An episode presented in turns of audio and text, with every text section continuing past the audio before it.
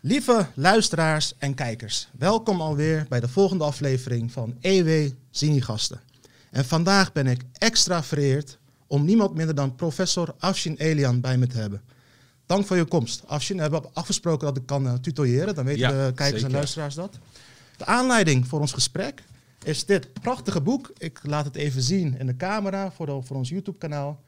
Het prachtige nieuwe boek, een nieuw commentaar op de grondwet. Samen met professor Bastiaan Rijpkema hebben jullie dit boek samengesteld. Met bijdragen van andere auteurs.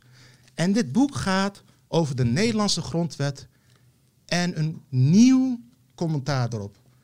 Professor Elian, leg eens uit. Waarom heb jij besloten om samen met Bastiaan Rijpkema dit boek te schrijven? Eh, ik ga eerst technisch uitleggen waarom hebben ze eh, dit eh, besluit genomen en daarna mijn eigen persoonlijke motivatie. Ik had met eh, collega Rijpkema gesproken. Dat is belangrijk dat een boek komt over Nederlandse grondwet dat niet alleen techniek, juridische technieken uitlegt, wat ook heel belangrijk is, maar niet alleen dit uitleggen, maar ook een reflectie pleegt. Maar ook een beetje grondwet propageert bij iedereen in Nederland. Nou ja, dat is niet makkelijk. Die drie doelen naast elkaar. Hè. Wel techniek, maar niet al te diepgravend techniek. Daar zijn allerlei eh, naslagwerken waar ehm, juristen kunnen, kunnen, eh, kunnen hun kennis op doen. Reflectie. En ook eh, op een wijze eh, samenstellen dat het eh, ja, hopelijk toegankelijk is voor iedereen. Ik begrijp het. Het blijft een academische wetenschappelijke boek. Maar toch kun je zo samenstellen dat heel veel mensen eh, kunnen doorbladeren. Overigens, mensen hebben heel veel boeken thuis die ze nooit lezen. Hoeveel mensen hebben Bijbel die nooit gelezen hebben, maar ze vinden het belangrijk. Maar waarom zou je niet een commentaar op je eigen grondwet thuis hebben? dat is, ik bedoel, uiteindelijk, Ja. ja, God straft ooit misschien, maar eh, als je de grondwet niet nakomt, word je nu onmiddellijk hier gestraft in, in, in dit leven. Nou, eh, ik, heb, ik heb het boek met heel veel plezier gelezen. En het is zo toegankelijk gelezen voor de luisteraars thuis. Ik ben zelf geen jurist. En zelfs ik snapte alles. En ik vond het interessant. En ik kon het niet eh, eh, uitdoen. Maar wat, wat je net zegt klopt toch niet? Want ik heb uit jullie boek gelezen dat de grondwet in Nederland niet hoeft te worden nageleefd. Zegt dat goed? Of de wetten worden daar niet getoetst? Getoetst. Je wordt dus niet gestraft in Nederland. Nee, er wordt niet getoetst, klopt. Je wordt niet gestraft. Maar de straf die je krijgt is veel erger, namelijk anarchie of dictatuur.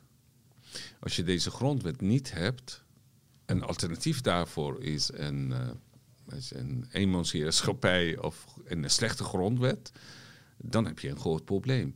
Kijk naar Iran, kijk naar eh, Rusland ook op dit moment. Dus een grondwet is belangrijk en ook zeker moet nageleefd worden door de staat. De staat probeert ook na te leven altijd en anders wordt die door het parlement aangesproken. En eh, in bepaalde zaken ook door rechters, niet met betrekking tot allerlei wetten. Maar wat was eigenlijk mijn persoonlijke motief? Hoe, Ja. hoe kwam Ja. ik eigenlijk bij, Dat, was, dat was de eerste vraag. eh, toen, toen ik, precies, de eerste vraag. Eh, toen ik student was, ik studeerde internationaal recht, Nederlands recht, strafrecht en filosofie. Compleet eh, filosofie met, eh, met de fysica, met wetenschapfilosofie, met, met politieke filosofie. Eigenlijk, de kwestie van grondwet was het laatste dat in mijn hoofd een rol speelde. Ik wil eigenlijk fundamenten van het recht begrijpen.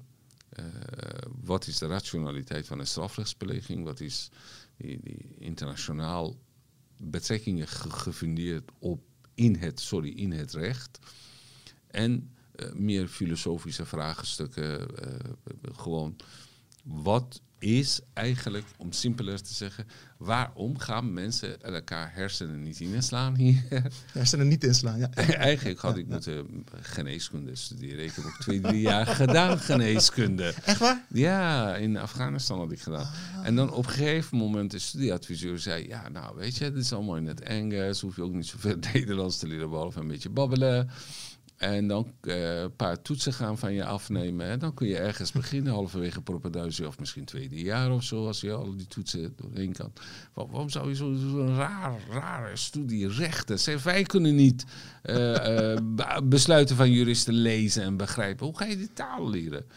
Ik was toen volgens mij net acht, negen maanden in Nederland. Toen zei ik, ja, de artsen en dokters zijn zoveel. Het zijn briljante mensen en ze zijn heel veel. Eh, mm, als ik arts word, voeg ik waarschijnlijk niet zoveel toe aan deze briljante groep van mensen die we hard nodig hebben. Maar ik moet begrijpen waarom jullie gaan elkaar hersenen niet inslaan. Zei, ja, dan, dan zou geneeskunde toch goed zijn. Want als ze hebben elkaar hersenen inslaan. En toen lachte ik, zei nee, ik wil weten waarom niet. En dat was een geitje natuurlijk van die persoon. Als wie adviseur zei, ja, ik begrijp het wel. Het is heel cruciaal. Heel cruciaal. Zelfs voor een eerlijke uh, geneeskundige behandeling moet je, een, uh, moet je een staat hebben, een samenleving hebben die dat mogelijk maakt. Ja, Er zijn heel veel mensen die geen geld hebben in Iran, die gaan dood. Of, of weet ik veel, in Pakistan of in India. En toen begon ik, dus dat was mijn motivatie. Maar ik kwam helemaal grond werd niet in mijn hoofd op om, uh, om dat heel diepzinnig te gaan benaderen. Hoe, maar, kwam dat dan? Dat, dat je ja, het was. Uh, uh, Lubbers werd op een gegeven moment als hoogleraar benoemd in Tilburg, als bijzonder hoogleraar. Globalisering. Ik vond het een hele rare woord toen, globalisering. Maar die vent was heel slim, die zag het wel. Ah, dat was in de jaren negentig al, voordat het een ja, uh, eind jaren 1999 of zo was. Hij, hij had het gezien dat globalisering heel belangrijk is en dat soort zaken. Dus rond die 2000 zou een conferentie ook voor hem georganiseerd worden met workshops en zo.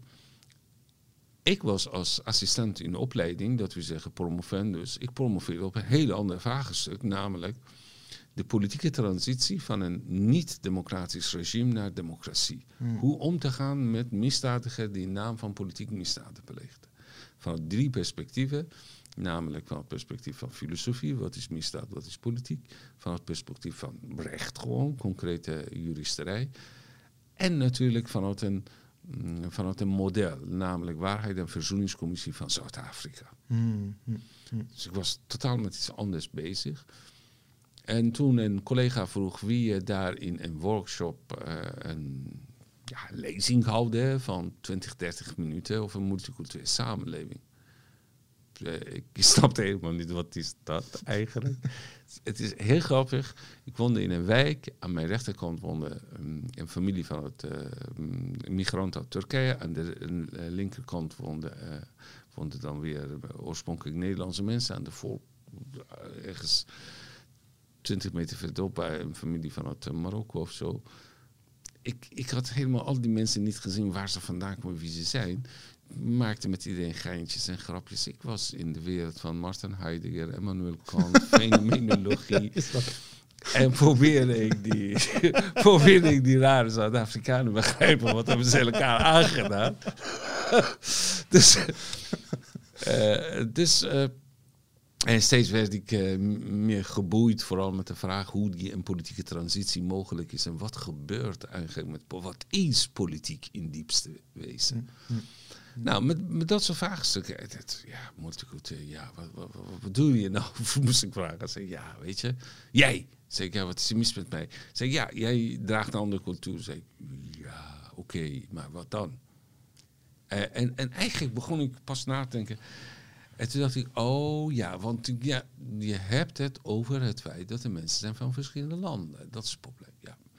Want als je in Iran zegt multicultureel, dat zijn echt verschillende culturen. Dat werkelijk kun je vinden. in Turkije ook, of maar in India. Maar hier vond je dat het land zo klein. Om van, ja, voordat je weet ben je in Duitsland of in de zee ben je beland. Dus ik begreep niet, wat bedoelen ze met cultuur. Kijk, als je in Iran zegt, is een heel groot vraagstuk. Je hebt Koerden met een eigen taal, je hebt Baluch. Ja, soms hebben ze andere tradities en zo. Ja, zei ik, oké, oké, nu begrijp ik het beter. Maar, maar ik moet even nadenken. En toen ging ik nadenken, dacht ik, nou, eigenlijk, uh, ik snap het wel, dacht ik. Ja, kijk, dit is zo'n kernvraag van Zuid-Afrika. Ik probeer antwoord te geven daar in een hoofdstuk. Wat is essentie van politiek? Uh, aan de hand van Aristoteles kwam ik een hele mooie, eigenlijk definitie tegen, die niet Aristoteles als definitie presenteert, maar als een bijzin. Politicos. Een hmm. politicus in hmm. termen van oude Grieken betekent alle burgers. Wij hebben het geprofessionaliseerd, hè, politicos. Maar voor hen was gewoon uh, alle, alle vrije burgers van Athene. Ik ga meteen een linkspunt maken. Toch alleen de mannen, toch?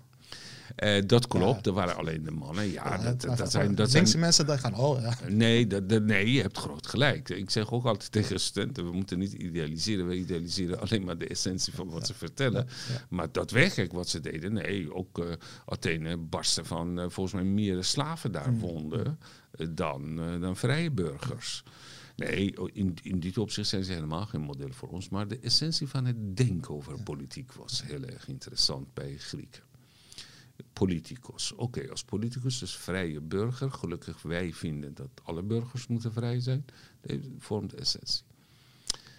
En toen dacht ik, weet je, ik heb geen zin in een lezing te houden. Want eh, wat ik doe is, gewoon zoals Wittgenstein deed. Ik ga gewoon tien of elf stellingen formuleren. Maar ze hadden een, een, een, kleurling nodig om het over multiculturele dingen te praten. Ja, dit werkt helemaal niet. Dit, dit werd een hele zo zwaar- klinkt het voor mij dan. Ja, dit, dit, was teleurstellend Ja. voor hen. Ik kreeg bijna, eh, bijna ruzie met eh, Lubbers ook nog. Eh, want die kwam op mee luisteren.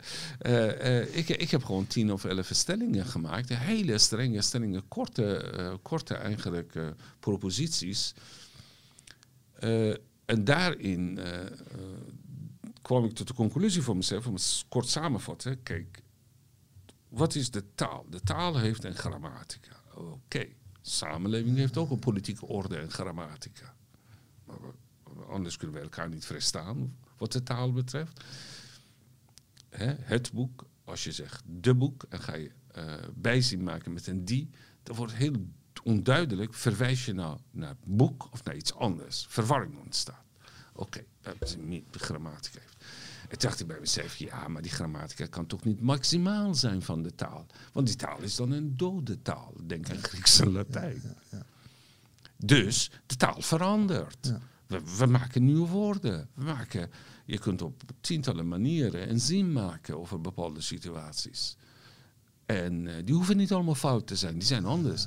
En toen dacht ik, oké, dus dat is een minimale Oh, grammatica. daarom op, openen jullie het boek daarmee. De grondwet is de minimale grammatica van de politieke orde. Ja, en toen ja, dacht ik, oké, als de taal een minimale grammatica heeft, dan heeft een politieke ordening ook zo'n minimale grammatica. Ga je maximaliseren grammatica van de taal, dan is een dode taal die nooit verandert. Dan zouden we op dezelfde manier spreken als 500 jaar geleden. Dat is onmogelijk. Daarom ook juist nieuwkomers zijn heel erg interessant, maar ook in het Engels waren ze heel interessant. In Amerika bijvoorbeeld Brodsky, Joseph Brodsky, voor het veranderen van de taal.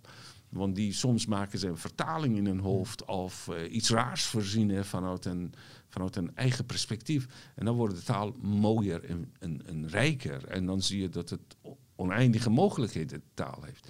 Ogenschijnlijk denk je alsof het een fout te zien is. Maar als je goed leest, denk je, nou, wat is fout? Als je minimale grammatica doet, staat er is het een werkwoord. Nou, weten we, lidwoorden zijn ook correct. Nou ja, op een andere wijze uitdrukt. Maar waarom? En dan ga je verder denken.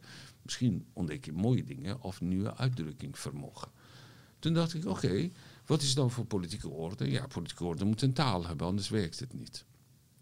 Hè, ik, ik, ik was altijd eh, gecharmeerd, geïnspireerd door Mustafa Kemal Atatürk, de oprichter van de Turkse Republiek. Die was altijd in mijn achterhoofd. Die slimme man had gedacht. Als ik met Ottomanen ophef. Ottomanen is geen Turkije. Hè? Dat is een islamitische kalifaat. Zelfs met het Arabische alfabet werd een beetje Turks-achtige taal. Maar ook Arabisch gewoon geschreven. Soms heel veel Perzische woorden. 99% analfabetisme, want Turken kunnen niet met de Arabisch schrift. Die taal past niet. Dat was toen. Ja. Toen ook. En een imperium is dat. eh, begon eh, in eh, Istanbul, maar eindigde diep in Noord-Afrika, Midden-Oosten, Syrië, Egypte en dan ergens in het oosten van Europa. Dus allerlei andere volkeren. Dat is pas echt multicultureel en multi-etnisch. Hij wil af van al dat gedoe, wil een moderne staat hebben, een republiek hebben. Nou, de eerste stap dat hij zei, eh, heeft gezet is... in een moderne republiek heeft een taal. Dat is geen Arabisch, geen Perzisch. Dit zijn drie belangrijke talen van islamische beschavingen. Hè? Arabisch, Perzisch en dan Turks. Om even in een volg- historische volgorde aan te geven. Maar die twee, nee. Oké, die hebben invloed op de taal waarin wij spreken. Dat is geen probleem, maakt het allemaal mooier. Maar ik wil een taal. Want hoe kan het volk met elkaar communiceren als je helemaal geen taal heeft? Nou, daar had hij groot gelijk. En als je verder gaat nadenken, Amerikanen. gingen een hele hoop Europeanen, weet ik wel, van Schotland, van Italië, van Spanje, van allerlei delen van Europa naar Amerika. Want ze gaan allemaal eh, eigen talen spreken. Dan ontstaat nooit een ordening. Ja, ja. Ja. Nou, daar werden Engels. Daar werd Turks. Oké, dus een politieke orde heeft een taal. Ik heb al vastgesteld, op een logische wijze, dat een minimale grammatica is, maximaal is een dode taal. En is taal. Maar wat is de minimale grammatica van de politieke ordening zelf? Dus ik, dat moet de grondwet zijn. En dat eh, moment was het moment dat ik verdiepte me in de Ameri- Amerikaanse constitutie, Amerikaanse tot, eh. Hoe hebben ze zich ingespannen om die grondwet te- tot stand te brengen? Kijk, als je op het moment dat zij gaan, is nog geen Franse revolutie. Op het moment dat zij praten over een grondwet, hè, in de Federalist Papers, in andere mm, eh, teksten die ze schrijven. Op dat moment kijken ze naar Europa. Europa naar godsdienstoorlogen. Dan krijg je absolutistische regimes. Hè. Eh, in Frankrijk, eh, Nederland overigens niet. Maar in andere landen. vooral Frankrijk. Ze willen al, op al die dingen niet lijken. Geen godsdienstconflicten. Hè. Je hoeft niet elkaar te doden omdat je denkt eh, dat de Bijbel zus moet gelezen worden of zo. En ook geen absolutisme. Maar hoe maak je een volk, een natie van al die mensen die verschillende achtergronden hebben, talen? Nou, Engels hebben ze gekozen. Konden ze allemaal spreken Engels, anders moesten ze leren. En dan komt de grondwet. En toen dacht ik, ja, maar gek genoeg, die grondwet lijkt erg op de taal. Niet alleen in de taal is geschreven. Een grondwet moet in een taal worden geschreven. Het is niet wiskunde of zo, maar gewone omgangstaal. Maar tegelijkertijd, die heeft ook een minimale grammatica. Want als je zegt, dit is de grondwet, eh, die, die, die, die, zoals het duizenden jaar geleden is bedacht, ja, dat is ook een dode grondwet. dat, dat bestuderen wij overigens als juristen regelmatig. EU civiele, weet je wel, van de 16e eeuw na Christus, ja, die verandert nooit meer. De, schrijver is dood, het volk bestaat niet meer. Dat, dat, dat, eh, dus we moeten het interpreteren. Dat is heel leuk, leren we heel veel van. Maar het is dood. Zoals Grieks, Griekse, eh, antieke Griekse taal. Toen dacht ik, oké, dus dat is minimaal, niet maximaal. Wat gebeurt als het maximaal is? Toen dacht ik, dat wordt een totalitaire staat. Ja, ja. Dat wordt een totalitaire staat als het maximaal is. Oké, dan dacht ik, er is een spanningsveld tussen enerzijds moet niet de grondwet zo vloeiend zijn dat er niks van overblijft. Elke generatie gaat het zo anders interpreteren van die rechten en plichten niks overblijft. Nee, dat moet het niet zijn. Daarom minimale grammatica, waarvan je niet kan afwijken. Je kunt niet van het boek dit boek maken en van grondwet vrijheid van meningsuiting kun je niet iets maken dat helemaal geen vrijheid van meningsuiting is. Dat is die minimale grens. De essentie kun je niet schenden, anders is die niet zelf de grondwet. Maar het is niet maximaal, omdat je interpreteert. Signy gaat het interpreteren, je cameraman gaat het interpreteren, rechters gaan interpreteren.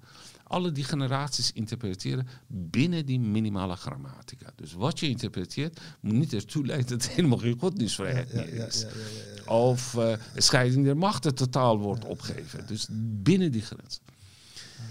En dan kun je zeggen, ja, maar dit heeft allemaal niet met totalitarisme te maken. Ze hadden een andere verwachting Ja, afzien. ze, dat, dat, ze, willen... terwijl ja. En eh, nieuwkomers die, die gaat een beetje zeiken en zuren dat er te veel racisme is in de samenleving. Maar die zit als een Aristoteles na te denken. Daar hebben ze geen behoefte aan. Dat willen ze niet. Dit is die kwezelarij van de lage verwachtingen, toen al, ja. Ja, dat, dat willen ze helemaal niet. En dan komt het, oké, als dit dit is, en oké, dan burgerschap is de kern van de politiek. Burgerschap niet alleen de kern van het recht, maar van de politiek. Dan op een gegeven moment die, die- een uitspraak gebruikte ik dat het eh, grootste juweel of meest waardevolle dat de mens heeft naast zijn leven en dat soort dingen, maatschappelijk gezien, is zijn paspoort. Heel belangrijk is. Alleen een stateloze zoals ik ooit was, weten wat betekent een paspoort hebben. Je bent minder dan een hond als je geen paspoort hebt, zoals Hannah Arendt ze- zegt ooit ergens. Hoe belangrijk is een paspoort? Een, pa- een paspoort is dit. En ik was diep teleurgesteld toen, je, toen ik genaturaliseerd was. Een briefje komt per post, weet je. Dat is toch toch. ik had precies hetzelfde. In welk, jaar, in welk jaar ben jij genaturaliseerd? In jaar 90, Ik ook, 1995. Ja, en ik, ik dacht toen van, Ja. nu gaat het gebeuren. ja. Ik kreeg een, ik kreeg een brief inderdaad. Eh, mijn moeder, mijn broertje en ik werden genaturaliseerd. Precies zoals je vertelt. We moesten naar het deelgemeente in IJsselmond en Rot- Rotterdam. En dan moest je wachten en dan kreeg je je paspoort. En dat was het. Nee, ik, eh, ik was zo enthousiast. Ja, geen- er is geen ceremonie, niks. Heb ik nu een, een, Ja. een paspoort. eh, ik kreeg een echte paspoort. eh, Want ik had iets dat eh, leek op een eh, voedselbon dat je krijgt. Hè, dat was voor, voor een staatloze was paspoort. Dus de ging je daar heel blij. meteen. Driedelig Ik had, pak eh, aangetrokken. ja, de enige pak dat ik had. één pak had ik, heb ik aangedaan daar. Dat is toch een hele belangrijk moment. Maar ik was diep teleurgesteld. Ik zei tegen die ambtenaar die aan de andere kant... Ja, het is toch verbazingwekkend. hè. Het is toch, eh, Na mijn geboorte is de belangrijkste dag van mijn leven. Ik heb zo lang nagedacht of ik, of ik weer genaturaliseerd word of niet. Ja, die persoon was verbijsterd. Toen op een gegeven moment automatisch, als een oprechte mens... Nou, dan van harte gefeliciteerd. Oh, nou, dat is De- de- eh, ik, ja, maar nu tegenwoordig is het wel... Er is wel een ceremonie, toch nu? Ja, dat, dat, is dat, veranderd, kwam Ja. eerlijk gezegd door die kritiek van mij. Maar Ah, wauw, wat goed. ja, want ik had daarna een essay gemaakt. En toen zei ik, ja, nou, een, een, een andere stelling was, ja, nieuwkomers. En toen lachte ik naar de zaal kijken. Ja, jullie wachten natuurlijk naar die stelling. Wat gebeurt dan met die nieuwkomers? Ja, nieuwkomers moeten eh, twee grote offers opbrengen. A, begrijpen dat een taal is ongeveer iets privaat. hè. Een dialect, wat ze van hun moeder hebben geleerd. Een private taal is. Niet de taal van de grondwet. Niet de taal van de constitutie. Niet de taal van de politieke orde. En de tweede, alles wat ze hebben geleerd van een andere grondwet is ongeldig. Dit is de grondwet. Dit moet je gehoorzamen, dit is de taal. En dit biedt een oplossing voor iets heel belangrijk dat door Amerikanen is ooit bedacht. Wat verbindt dus ons als volk met elkaar is precies die grondwet. Die bezielt ons en eh, houdt die verbanden met elkaar. En je hoeft helemaal geen chauvinist te zijn. Je hoeft helemaal niet racist te zijn. Nee, via de waarde van die grondwet zijn wij elkaar burgers. Hoe kan ik jou als medeburger zien als ik niet in het Nederlands kan met jou communiceren? Maakt niet uit op welke niveau, met welke accent. Daar gaat het helemaal niet om. Of je kleine taalfouten eh, allemaal flauwekul. Irrelevant. Het feit is dat wij elkaar verstaan in dezelfde constructie van woorden en zinnen. En dat is pas de wederzijdse eerste stap van wederzijdse erkenning van elkaar burgerschap. Een oneindige vertrouwen die wij hebben in elkaar als medeburgers. Dat brengt mij op, op, op, op een volgende punt. In jullie bundel heb ik gelezen dat na de Amerikaanse grondwet...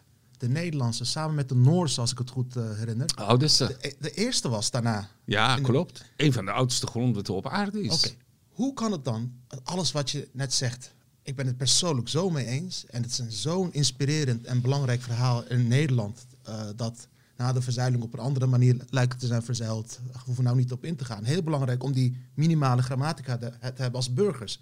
Maar hoe kan het dan zo zijn, eh, professor Elian? Ik heb op de basisschool nooit iets over de grondwet Nee. geleerd. Op de middelbare school nooit iets over de grondwet geleerd. Nee. Ik heb eh, sociologie en geschiedenis ge- gestudeerd, maatschappijgeschiedenis, nooit iets over de grondwet. Ik, ik was bijna vergeten dat het bestond. Ik was Tweede Kamerlid, nooit iets over de grondwet. Je kunt amendementen indienen, wetsvoorstellen, grondwet, toetsing of wat dan ook, is er niet, of weet ik veel nooit. Hoe kan het dan dat ondanks de, de, de, de importantie van zo'n belangrijk, fundamenteel document voor de politieke orde, voor, voor, voor burgerschap, in Nederland nul aandacht heeft? Leg dat eens uit. Ja, kan nou, dat? Dat Amerika ga ik, wel namelijk, Ja, zeker. In Turkije ook. Dat ga ik. eh, dat, dat moest ik ook ontdekken, want ik vond het Ja, zo evident wat ik, had, eh, Ja. wat ik had verteld. Het was zo evident. Sam, weet jij wat de grondwet is? Je weet niet eens wat het woord betekent, toch? Ligt daar. Oh, ligt daar. nou, eh, op een gegeven moment werd ik ook gevraagd. eh, dat was kort na de moord op Pim Fortuyn. Dus eh, ergens in de zomer van 2002. Eh, iemand was in de zaal kennelijk mijn verhaal had gehoord, mijn eh, stellingen. Of ik wilde eh, op de, bij de dag van rechtspraak. Dat is een dag dat de rechters komen allemaal bij elkaar. Hoven van belangrijke rechtbanken. Toespraak willen houden. Oh, na minister. Minister was Donner in die tijd. Een toespraak houden. Toen dacht ik, ja, dat is leuk, ga ik doen. Nou, toen heb ik het dit, dus, dus die Wittgenstein-achtige stellingen, werd ik, heb ik om, omgebouwd tot een essay. Wat ik daarvoor eh, eh, heb voorgedragen en dan werd het ook in NRC Handelsblad gepubliceerd.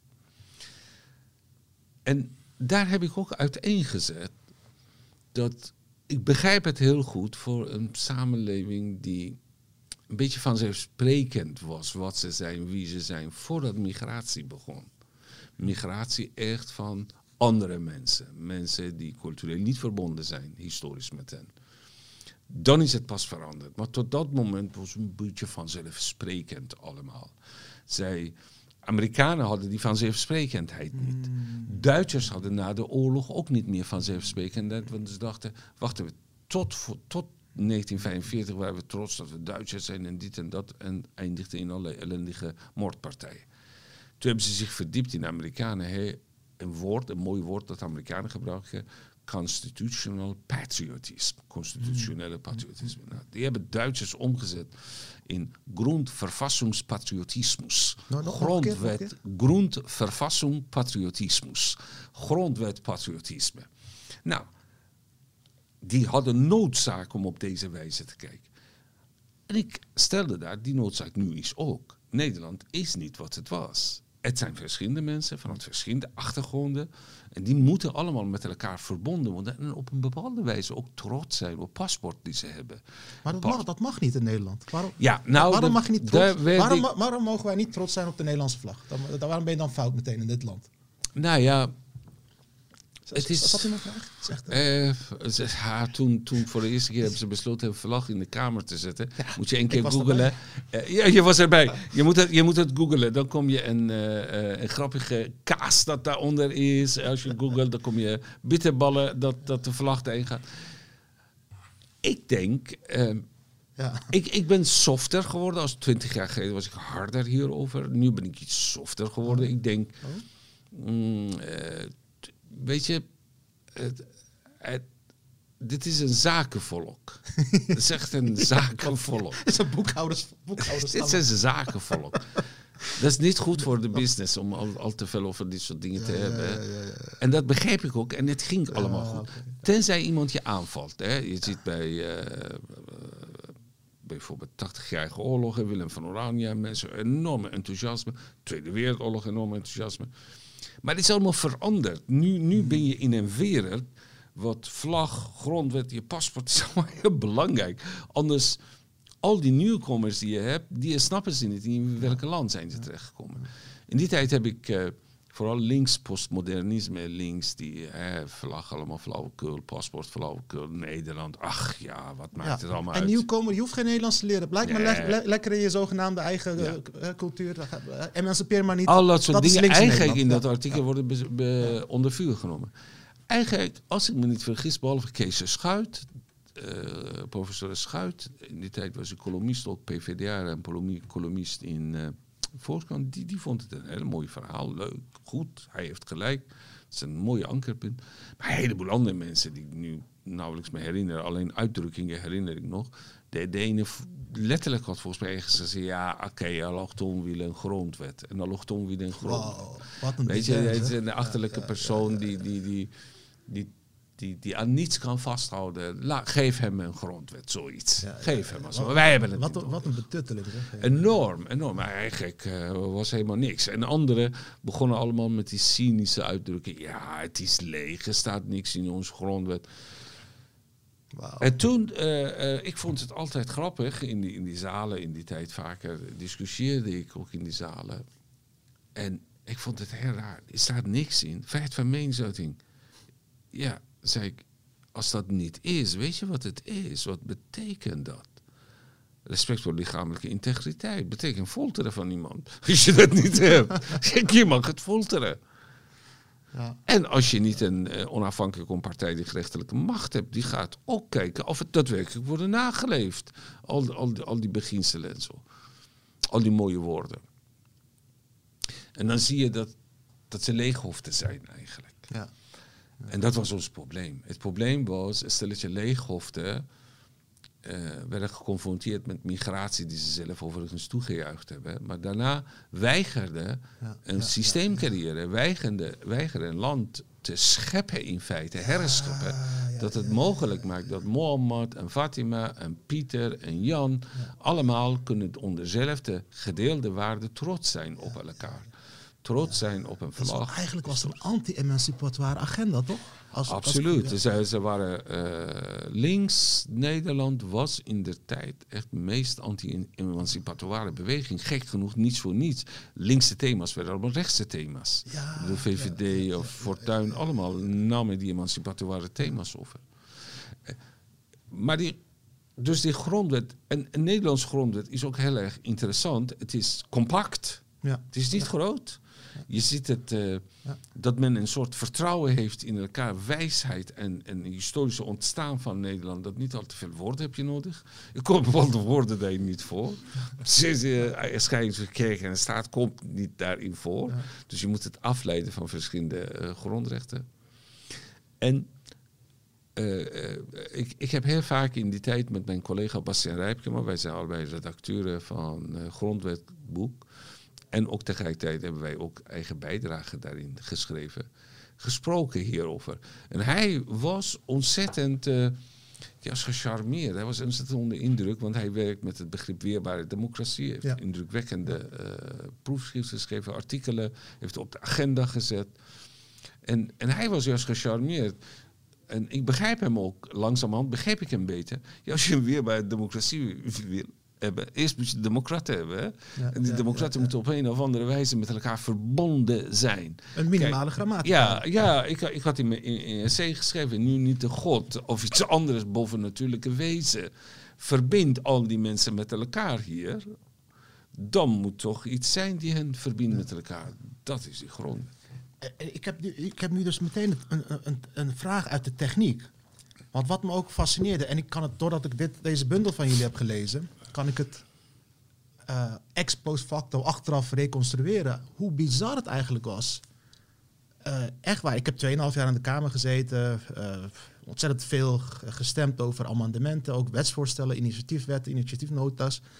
Nooit is er ergens iemand geweest die heeft gezegd, nog even dubbel checken of het strookt met de grondwet of wat dan ook.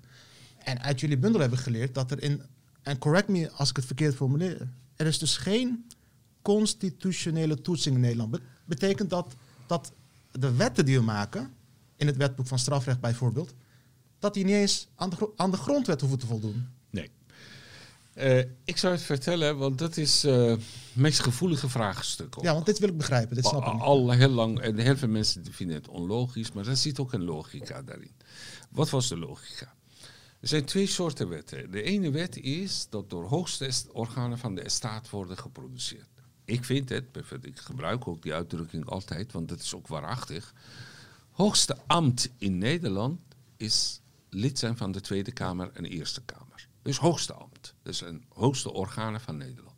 Daarom vind ik het ook heel raar dat de mensen niet respecteren zo'n ambt. Je kunt discussiëren met elkaar over elkaar opvattingen tegen en bepaalde Kamerleden zijn allemaal waar. Maar ambt op zichzelf moet je enorm respect voor hebben. Het is heel belangrijk in de democratie, in onze rechtsstaat. Nou, zij dachten, dus maker van de grondwet dacht altijd, kijk, we hebben hier eh, eh, twee soorten wetten. Eén van die vorm van die wetten, wat in de grondwet vaak voorkomt, die uitdrukking de wet. Dat zijn wetten die door regering en de statengeneraal tezamen eh, tot stand komen. Wetten in formele zin. Dat wil zeggen wetten die zo'n regering heeft ingestemd, Tweede Kamer en Eerste Kamer. Die zijn hoogste wetten, omdat de hoogste staatsorganen bij betrokken zijn. Parlement en de executieve macht, de regering zelf. Nou, het zou heel raar zijn als deze mensen hebben niet nagedacht dat hun bepalingen niet in de strijd zouden zijn met de grondwet. Ja. Eigenlijk een, een, een uitgangspunt is. Je, je vindt het vanzelfsprekend dat die mensen moeten nagedacht hebben. En als dat niet zo is, omdat grondwet, omdat die hoogste organen van de staat zijn, die tezamen allemaal die, wetten tot, die wet tot stand hebben gebracht, zelf moeten ze het opheffen of veranderen. Eigenlijk, gek genoeg, niemand heeft eh, aan Kamerleden verteld, Eerste Kamer en Tweede Kamer zijn het constitutioneel hof van Nederland, eigenlijk. Ah, op die manier. Zowel voorafgaande als daarna. Als is gesteld, eh Zigny, jij bent lid van de Tweede Kamer. Maakt niet uit welke partij. Je komt erachter dat een wet van wetboek van straffen is echt in de strijd met eh, artikel 1 van de grondwet. Dan kun je in de Kamer dat bediscussiëren met andere fracties. Eh, Daar heb je politieke mechanismen voor. En dan wordt het debat gevoerd. Dan kunnen jullie de wet wijzigen. Jullie wijzigen het, de regering moet het ook willen. En heb je ook Eerste Kamer. Dan, heb je, dan is die, die bepaling gewijzigd. Dan heb je de rechter niet nodig. Want ze vonden het, die grondwetwetgever van Nederland dacht, ja wacht even, de wetten die door de hoogste organen van de staat tot stand komen, die zij moeten zelf. Eigenlijk geven ze een soort uitdrukking aan volkssoevereiniteit. Ja, ja. aan het hart van de democratie. Als de wil van het volk via Eerste en Tweede Kamer, ja, de regering is een voortvloeister, kabinet van Tweede Kamer, eh, kun je zeggen, als die wil kan alleen door hen zelf eigenlijk gewijzigd worden. Ja, ja. Inzicht hebben zij zelf. Nou, eh, maar, en dan komt een grote maar, Ja. die de grondwetgever heeft nooit aan gedacht. Dat gaat gebeuren. Grote maar is, we hebben heel veel, sinds 1945, mensenrechtenverdragen. Denk aan een van de belangrijkste verdragen voor ons, Europese Verdrag ter Bescherming van de Rechten van de Mens, EVRM. Oké. Maar dan weer dezelfde grondwet zegt, als een verdrag is met een bepaling dat ieder verbindend is, dat wie zich geen mensenrechtenbepaling heeft, denk aan gij zult niet gefolterd worden, verbod op doodstraf of eh, eerlijk proces, of vrijheid van meningsuiting of godsdienstvrijheid of gelijkheidsbeginsel, dan mogen alle wetten daaraan getoetst worden, zelfs als die wetten in een strijd zijn met die bepalingen, worden opzij gezet. Ja, ja, ja. Dus de grondwetwetgever eigenlijk heeft toch nog op een stiekeme wijze een mechanisme gecreëerd voor toetsing aan grondrechten. Aan belangrijke grondrechten via Europese verdragen. Nou, deze enorme ruzie, traditioneel Partij van de Arbeid en Christendemocraten en VVD'ers willen nooit een constitutioneel hof hebben. Want ze vonden dan die, die belangrijke wetten, die wetten in vorming zien, moet door het parlement zelf afgeschaft worden of gewijzigd worden. En als die in strijd met mensenrechten is, dan hebben we een mechanisme voor dat Ja. je kunt altijd wijzigen. En symbolisch moet alle macht berusten bij, op, op de Tweede Kamer en Eerste Kamer. Je ziet het nu een beetje wijziging in die houding. Volgens mij PvdA wil constitutionele toetsing en anderen ook. En dan ontstaat weer een nieuw debat. Naar aanleiding van Urgenda, Shell, arrest. Men is nu erg bezorgd. Men denkt, wacht even. Als wij nu een constitutionele toetsing krijgen, wat helemaal niet nodig is, want de essentie is om te kunnen toetsen aan mensenrechten, en dat kunnen wij wel, zelfs catalogus van mensenrechten van het Europees Verdrag is uitgebreider en meer dan onze grondwet. Waarom zouden we nog constitutionele toetsing hebben? Waarom we je rechten nog zo belangrijk maken eh, in het, tegen de achtergrond van Urgenda en andere zaken? Dan worden heel veel, zijn politici en juristen die bezorgd worden. Die denken, wacht even, dat is niet goed. Tast ook aanzien van de rechter. En uiteindelijk is ook zinloos, want eh, die toetsing vindt plaats, maar via verdragen die mensenrechtenverdragen, die mensenrechtenbepalingen hebben. Daarmee gebeurt het wel. Maar dan weer anderen zijn die zeggen, eh, ja, als je constitutioneel hof hebt, maak je de grondwet heel belangrijk. Ja, ik weet niet. Kijk, in Amerika, de grondwet is via constitutioneel hof, kun je zeggen, belangrijker geworden dan het was. Maar ook conflicten zijn diepgaander geworden. Ja, ja, ja, ja, ja. En ik wil juist dat de rechter onaantastbaar Ja, blijft. het is wel een interessant punt, want dan heb je in Amerika heb je een constitutionele hof eh, waar, de, waar de rechters voor het leven worden aangesteld. Ja. Alleen ook altijd natuurlijk politiek. Dan heb je een democratische president die rechters aanstelt of republikeinse. En dan heb je dus, nu snap ik hem, dankzij jouw briljante uitleg, die minimale grammatica moet ook door de constitutionele hof worden geïnterpreteerd. Ja. En dan, kom, ja, ik, dan krijg je ook het risico dat het een politieke kloof En zie je Ja, ja, geloof ja, ja, ook, hè, naar aanleiding van de laatste uitspraak van eh Supreme Court in Amerika, over abortus zie je en ook zo, over abortus was, ja, zie je geloof ook. En, en wordt erg gepolitiseerd, erg geïdeologiseerd. Wij hebben een niet geïdeologiseerde Hoge Raad en Raad van een Staat, althans afdeling rechtspraak van hen. Ik zou dit willen behouden, juist in deze spannende tijd dat Ja. soms onlogische vormen van polarisatie of gekke vormen van polarisatie hebben wij, is het heel goed dat iedereen vertrouwen heeft. We hebben onafhankelijke onpartijdige rechters. Neem niet weg dat ik en vele anderen, en jij ook, discussiëren over uitspraken. De een is eh, eens met alinea 2 van de uitspraak, de, andere met 3. Dat hoort bij een open debat en democratie. Ook over rechterlijke uitspraken. Maar het is anders wanneer je volledig geen vertrouwen hebt. Dan hebben we een probleem. Maar ik denk dat nog steeds heel veel mensen vertrouwen in hebben. Dus wij moeten die, dat vertrouwen koes- koesteren en niet wijzigen.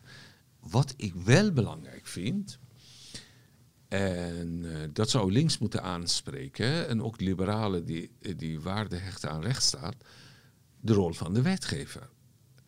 Ik wil niet Kamerleden beledigen, maar in mijn branche, zeg maar juristerij, voor topjuristen al 15, 16 jaar hoor ik dat de kwaliteit van de wetgevende macht is heel laag. Absoluut. Heel absoluut. laag.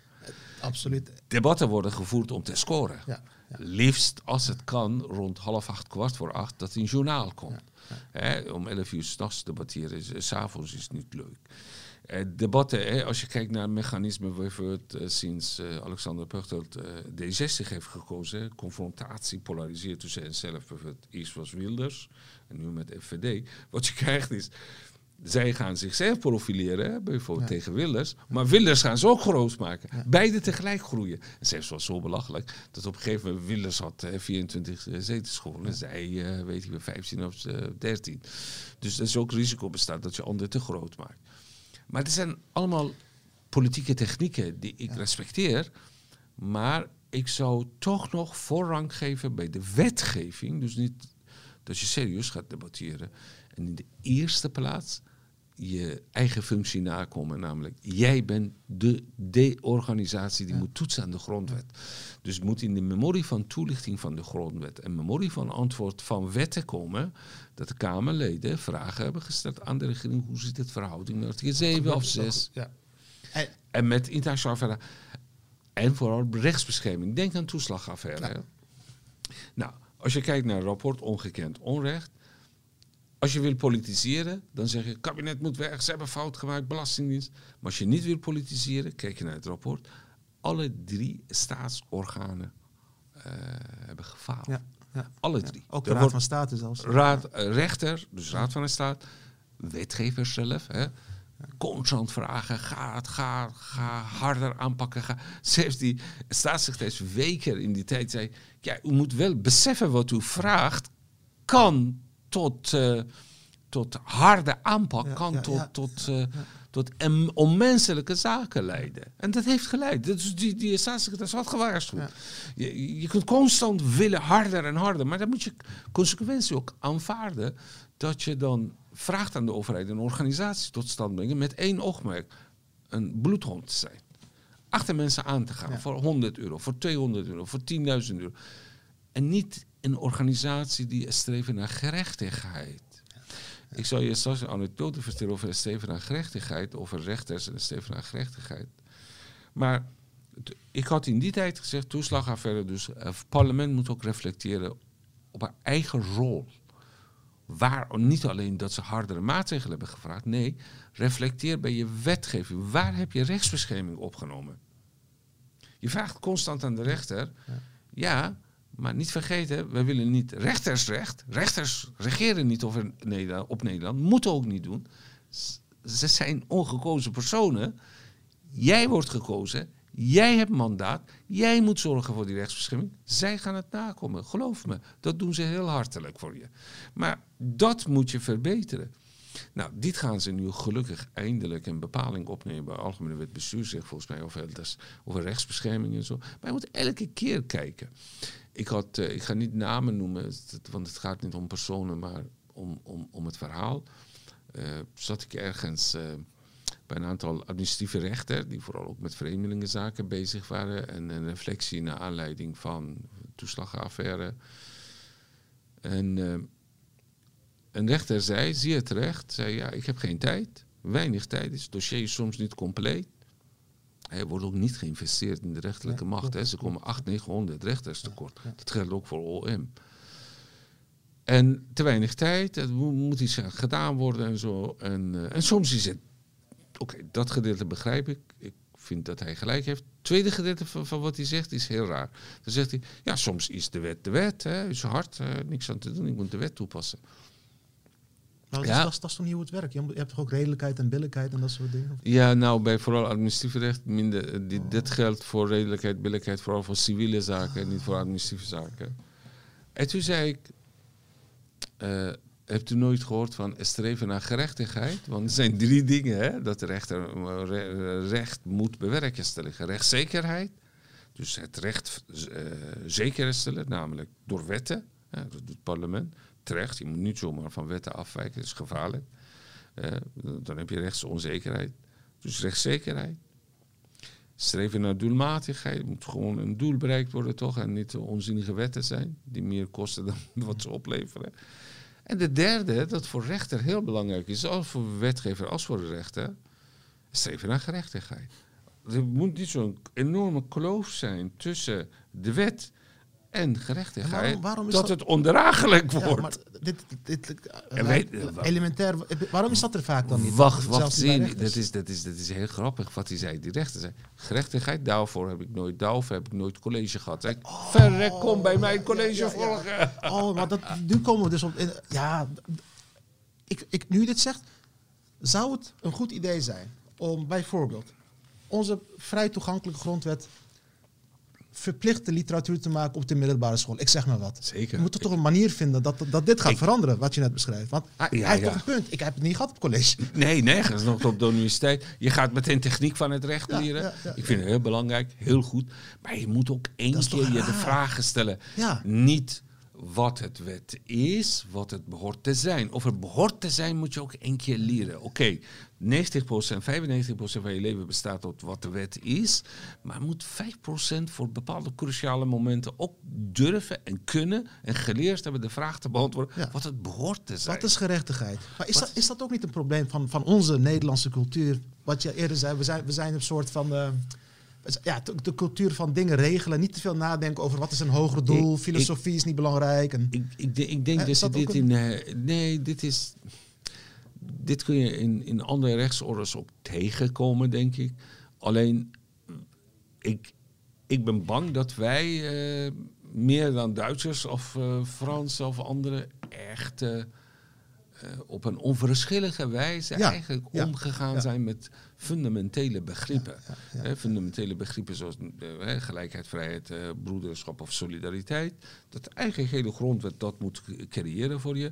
Sociale grondrechten, solidariteit. Klassieke individuele liberale grondrechten, vrijheid en gelijkheid. Dat is niet verinnerlijkt. Dat, dat, dat- en je hebt het nodig, ook debat daarover heb je nodig. Op scholen, middelbare scholen. Ik had in die tijd voorgesteld om eh, mensenrechten, eh, eigen grondwet, stiekem bleek, want ja, het woord grondwet eh, liep altijd weerstand bij po- postmodernisten in die tijd. In die tijd, ja, Ja, het is ja, verschrikkelijk. Dus dacht ik, weet je, een ander woord dat niemand kan tegen zijn, mensen. Je moet een vak hebben, mensenrechten, zei ik. Begin maar bij basisschool op een eenvoudige wijze. Je krijgt er twaalf jaar. En het laatste jaar wordt zwaarder en steeds meer grondwet centraal komt te staan in dat verhaal. En mijn voorbeeld was altijd, thuis mag je leren dat de Koran het belangrijkste boek is eh, dat het ooit geschreven is. Ja, als Arabische taal één boek ten tijde van Mohammed heeft voortgebracht, is altijd het beste boek. Daar heb je geen concurrent, hè? Geen Shakespeare, geen Homerus, geen, geen Nazim Hikmat of weet ik. Dus dat is oneerlijk om, eh, maar goed, eh dat is geintje over.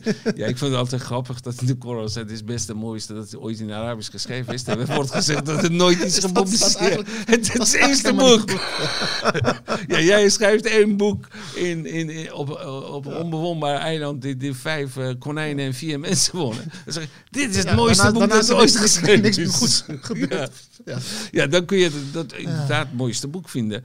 En, en de tragedie begint als, veel, eh, als ze in andere landen komen en zien dat andere volken nogal boeken hebben gepubliceerd en gaan nog publiceren. Dan wordt het moeilijk als Koran moet met die boeken concurreren. Ik blijf het Shakespeare eh, ook heel mooi vinden. En zelfs bepaalde onderdelen mooier en belangrijker, wijzer dan Koran. Maar goed, dat is een ander debat. Dit is heel belangrijk. Ook bij rechtenstudie is belangrijk. Ja, Aandacht zelfs rechters dat niet weten. Kijk, Ja. als je constant blijft aandacht besteden aan techniek van het recht, eh, maar niet aan filosofie en hoe je filosofisch, moreel moet recht benaderen. Je zei in Nederland een beetje de, de, ja, overdreven veel aandacht is voor techniek van alles in plaats van reflectief nadenken. Dat is helemaal waar wat je zegt, Sini. Als je kijkt naar Frankrijk, al Ja. op, op middelbare school is verplicht eh, eh, filosofie leren. Er wordt heel veel aandacht besteed aan niet alleen het zijn, maar het behoren. Hè? Eh, het zijn is, de wet zegt dit en dat, maar wat is het behoren? Behoort zo te zijn of niet?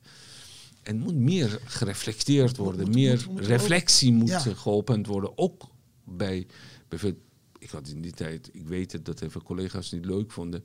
Hele eh, studie bijvoorbeeld van administratieve recht, bestuursrecht, is zo technisch. Eh, Wat mij betreft minder procesrecht, klein beetje meer leren over eh, extra over filosofie van het recht, moraal van het recht. Dat is belangrijk. Wa- Wat zijn morele dilemma's in juridische binnen juridische concepten? Is, is het hierom eigenlijk, nu ik erover nadenk, door wat je zegt, moeten we eigenlijk niet een soort van mini-culturele revolutie gaan regelen in Nederland, waardoor we in mijn woorden even die boekhouderscultuur een beetje vervangen door een cultuur waar een hoger doel, een besef van, eh, van, van democratische grondbeginselen, van gerechtigheid doorcijpelt. Ik weet dat het kan niet in één, in één dag, helaas. Moeten we niet een soort culturele revolutie doen hier? Maar zeg niet, lieve jongen. 30.000 mensen zijn gedupeerd vanwege de ja, Is dat, was dat niet voldoende om tot denken niet, nee. Nee. Eh, ik bedoel, dat is toch heel gevaarlijk.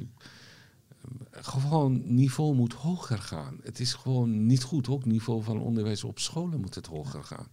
Je moet ook durven. Ik, ik, ik hoop dat Robert Dijkgraaf dat doet. Ook onderscheid maken. Het is heel goed dat we MBO hebben of andere vormen. Echt HBO hebben. Maar echt ook onderscheid maken met academische. Dan kunnen zij ook een beetje concurreren met elkaar, andere dingen doen.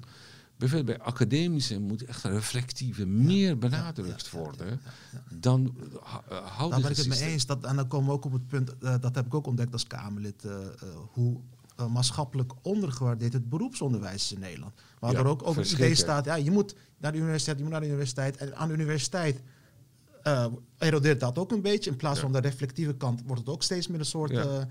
eh, technische studie. ja, ja, ja, ja, ja. Nee, ik vind het juist al die studies belangrijk. Maar je moet op verschillende niveaus bij, bij, bij die studies die, die In, het reflect, in, Duitsland ref- na, als je tien of twaalf jaar een hele goede timmerman bent, word je ook professor genoemd. Dat? Terecht, Ja, ja. terecht. Ja. Als ik Maar moet opnieuw beginnen, ik weet niet hoe, wat er voor jou geldt, zou ik timmerman worden. Want die, ik ben echt jaloers op die mensen. En vrouwen vinden een heel leuk en handige man. ja, klopt. Ja. Ja, dan- ze verdienen goed hoor. Ja, Elektrotechnicien. ja, je, je, je, je, kunt niet met die grondwetboek in je café Word je bij een vrouw mee? Word je niet aankomen. rijk mee ook? Nee, maar als je zegt ik kan goede kasten bouwen en zo, dan word je enorm gerespecteerd in café door iedereen. Ja, Iedereen hangt om je heen. Ja. Nee, wat, wat, Maar in Nederland wordt er gezegd, je bent laag opgeleid. Dat, dat, je hebt dat woord heb je niet in andere landen. Je hebt wel higher education, maar niemand zegt you're lowly educated als je, als je, als je een loodgieter bent of wat dan ook. Alleen in Nederland. dit is. En, en weet je, alle, alle, allergrappigste is in een land eh, waar eigenlijk ook erg geëgaliseerd is. Laten we Ja, heel eerlijk ja, ja, zijn. Het is wel erg ironisch. Hè? In een land wat erg geëgaliseerd is, dan hebben ze het over hoog en laag opgeleid. Terwijl in feite, we worden geacht op televisie, televisie overal, op, op, op, ge- op eigenlijk heel eh, basic niveau gelijk met elkaar omgaan. Dat doet de koning ook en koningin en weet ik veel, alles wat Nederland heeft op dat. Vlag is niet belangrijk, Ja. dat is de reden. Geen formele Eh, taal, je zegt niet u tegen je professor. Nee, nee, dat is allemaal niet. Maar tegelijkertijd zeggen we, maar jij bent wel laag opgeleid. Ik vind dit heel cynisch heel naar. Nee joh, loodgieters, ik heb eh, hele goede vrienden. Loodgieter, geweldige vent. Hij weet over heel veel zaken veel meer dan ik. Tuinman, timmerman, nee. Mensen die arbeid niet respecteren, mensen die ambacht niet respecteren, die hebben eh, menselijke waardigheid nog niet geleerd. Wauw, dat is een mooie. Dit is dat heel mooie zin. belangrijk. Dan ga ik jatten voor een column. Dit- dat is een mooie zin. Dit is zo essentieel. Menselijke waardigheid begint daar dat je respecteert wat mensen doen, wat ook altijd noodzakelijk is.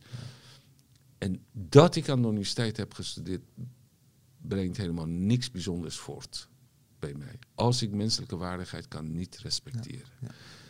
Die Timmerman is wellicht veel betere mens dan ik. Zal, zal ik een grappige anekdote vertellen om dit te laten zien? Eh, ik heb zeven jaar lang met heel veel plezier gedoseerd aan de Erasmus Universiteit.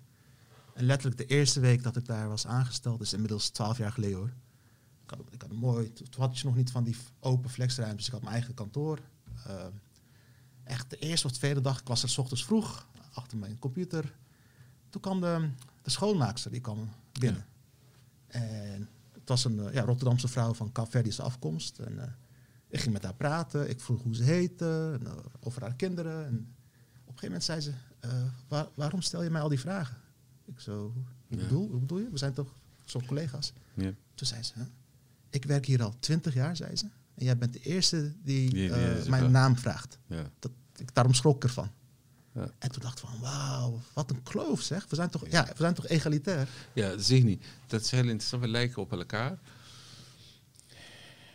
Eh, ja. Mijn beeld van Dit- Nederland dit, kan het een eh, beetje. dit, Ik maak ook altijd praatje precies met die eh, schoonmakers. Ik krijg altijd ook een slecht gevoel als zij willen mijn bureau poetsen. Dat doe ik zelf. Wil ik niet dat iemand anders doet. Op thuis wil ik niet dat iemand anders doet. Ik krijg een hele slecht gevoel bij.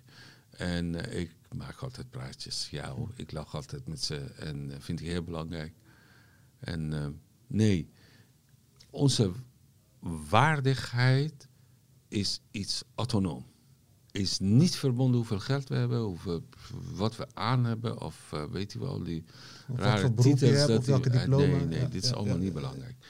We hebben respect voor mensen die wijsheid hebben, kennis hebben, weet ik veel, gestudeerd hebben. Maar dat respect is meer respect voor een inspanning, maar niet dat we hoger zijn dan anderen. Ik ben hoger dan niemand. eh, Ik ben hetzelfde als alle andere mensen. Andere mensen zijn hetzelfde weer met Kamerlid. Mensen hebben respect voor Kamerlid omdat hij heeft zich ins- inspannen om in de Kamer te komen. Hoogste ambt heeft. En dus heel goed dat ze respect hebben. Maar uit dat respect moet niet afgeleid worden dat de ene hogere staat dan andere. ja. Dat staat niet. Je staat alleen hoger naar de mate waarin je, eh, waarin je menselijke waardigheid van anderen respecteert. Dat is heel belangrijk. En dit is geen wokisme of dat zo flauwekul. Dit wist al Plato en Aristoteles. Eh, dat heeft helemaal niet met andere dingen te maken. En juist daarom ook tolerantie. Juist daarom ook eh, respect voor anderen. Nee, joh. Ik was eh, even een geintje vertellen. Misschien is het leuk voor mensen om te horen. Die Geert Willers had een Polen-meldpunt of zoiets gemaakt. Pff, was tien jaar geleden of vijftien jaar geleden. Ja, een deel van Nederland, je weet het, standaard begint racisme, Tweede Wereldoorlog, wij staan aan de rand van, eh, van verval, Gestapo komt er straks langs, al dat soort dingen. Dat doe ik niet, want ik vind dat dat een consequentie heeft als je zegt, hè. Bedoel, dan moet je verzet beleggen, mag je iemand omleggen ook. Ja, ja, ja. Eh, dus dat soort dingen moet je voorzichtig. Extreem rechts vind ik iets anders. Dan is er een hele andere begrip is dan nazi's en dat soort dingen.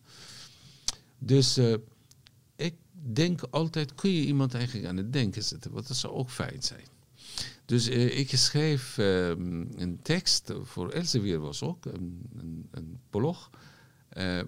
Dat legde ik uit dat dit willen zegt. Legde ik uit dat ik enige begrip heb dat, dat hij wil arbeidsmigratie of dat soort dingen onder controle krijgen. Maar toen zei ik, ja, maar het is heel raar dat hij meldpunt vindt met die Polen. Oké, ik zie ook wel eens onderweg dat sommige Polen dronken, waren, dronken zijn. Althans, nu minder volgens mij in die tijd.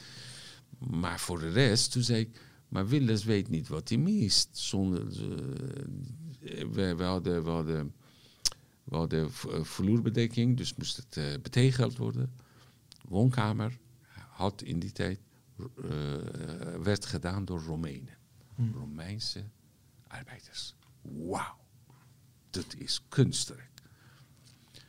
En de badkamer en toilet is gedaan door een oer-Hollandse tegenzetter. Dan denk je dat een baby van vijf jaar oud is, mocht hij een beetje knutselen. en dan schrijf ik, Geert, je weet in godsnaam niet wat je mist als je die Romeinen en Polen wegjaagt. Weet je, soms moet je het ook Schiet op- je in je eigen voet, Ik Geert. schiet je in je eigen voet. ja. Professor Elian, ehm, eh, ik wil eigenlijk tot slot nog een eh, brug maken, als je het goed vindt, naar Iran.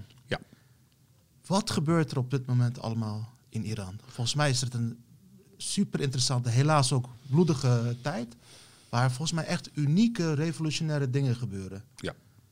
Het is eh, eh, voor de eerste keer eigenlijk eh, dat dat de regeerders in Iran na 43 jaar, dus sinds de oprichting van de Islamitische Staat, na 43 jaar, regeerders kunnen niet regeren zoals ze altijd deden. En geregeerden willen ook niet zomaar geregeerd worden. Dit is het recept voor een revolutie. Je ziet het, die sfeer is van drie maanden, langer dan drie maanden demonstraties. Nu nachtelijke protesten heb je. Uh, dit is een staat die echt voor eigen bevolking bang is. Bijvoorbeeld, uh, vandaag is ergens 40ste herdenking van iemand die doodgeschoten is. Dan een hele kerkhof wordt omsingeld door revolutionaire garde. Wow. Door militair. Uh, of gisteravond was echt heel leuk. In verschillende wijken van Teheran. Je hebt in Iran ook sirene. En, en die zijn heel belangrijk. Hè. Die alarm is voor oorlog en zo. Mm. Of voor nood Lucht, luchtalarm. luchtalarm Ja. voor noodsituaties. En dan meestal een tekst ook wordt uitgesproken. Bijvoorbeeld, dat is een luchtalarm, eh, kan bombardementen plaatsvinden of bijvoorbeeld chemische eh, fabriekjes ontploft. En ze hebben de tekst kennelijk gehackt op een of andere wijze in verschillende wijken van Ter veranderd. En dan hoor je een stem van een meisje, van een vrouw, jonge vrouw, echt een meisje. Dat zegt, dit is de stem van de Iraanse revolutie. Van, eh, van vrouw, leven, vrijheid. Kom op straat. Als je thuis blijft, dan straks worden uh, 20.000 arrestanten misschien geëxecuteerd. Zo dapper. En dan hoor je mensen allemaal vanuit verschillende huizen schreeuwen: dood aan dictator, weg met Khamenei en zo. Het is. eh, kijk. Twee, eh, één man was na Mohammed heel belangrijk geweest in de geschiedenis van islamitische wereld. Heel belangrijk geweest. Die heet Mustafa Kemal Atatürk. Waarom is na Mohammed zo belangrijk geweest? Mohammed heeft alle wetten en, en regels voorgeschreven en opgelegd en uh, uitgevoerd in Medina. Daarna is hij dood. Zijn opvolgers doen het. En, en, en een hele politieke een imperium werd gebouwd. Op die regels. Een van die belangrijkste regels zijn onderscheid tussen man en vrouw. Nou, je hebt onderscheid tussen man en vrouw, moslim en niet-moslim, moslim en kafir, uh, mortad en moslim of afvallige moslim. Maar kernonderscheid tussen man en vrouw. Heel belangrijk is in de islam geweest tot de dag van vandaag. Dus hele rechtspraak en wetgeving van islam, dus zeg maar sharia, dit, dit is heel belangrijk. Hè? Je ziet het bijvoorbeeld in, de, in een rechtszaak. Een getuigenis van twee vrouwen is gelijk aan getuigenis van één man. Uh, dus ze zijn letterlijk de helft van de man. Letterlijk, in heel veel zaken.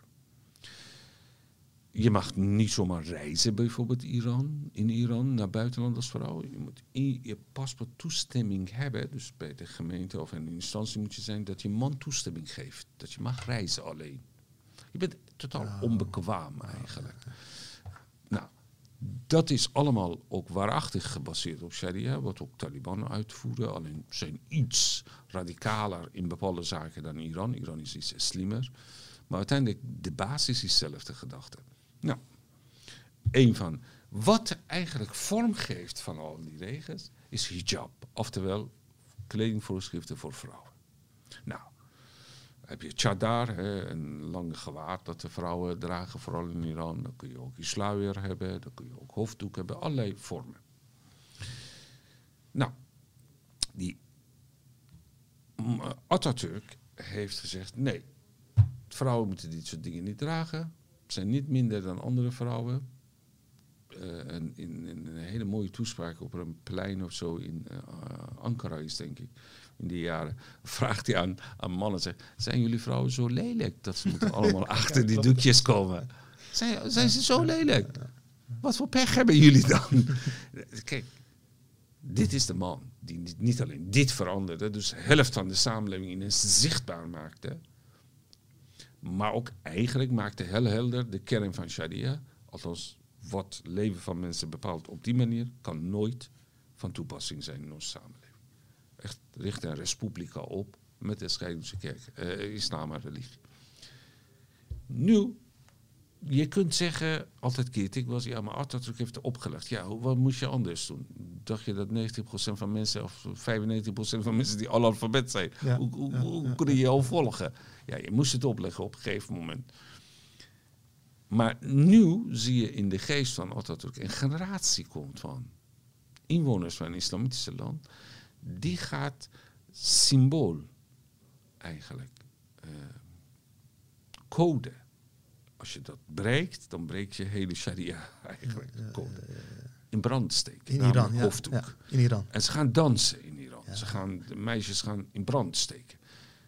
Het is niet zo dat ze tegen islam zijn. Het is niet zo dat ze atheïst zijn geworden. Nee, ze zeggen, dit willen we niet. Eigenlijk precies zoals dat natuurlijk Ze zijn. zeggen eigenlijk, we willen geen maximale grammatica. Geen maximum.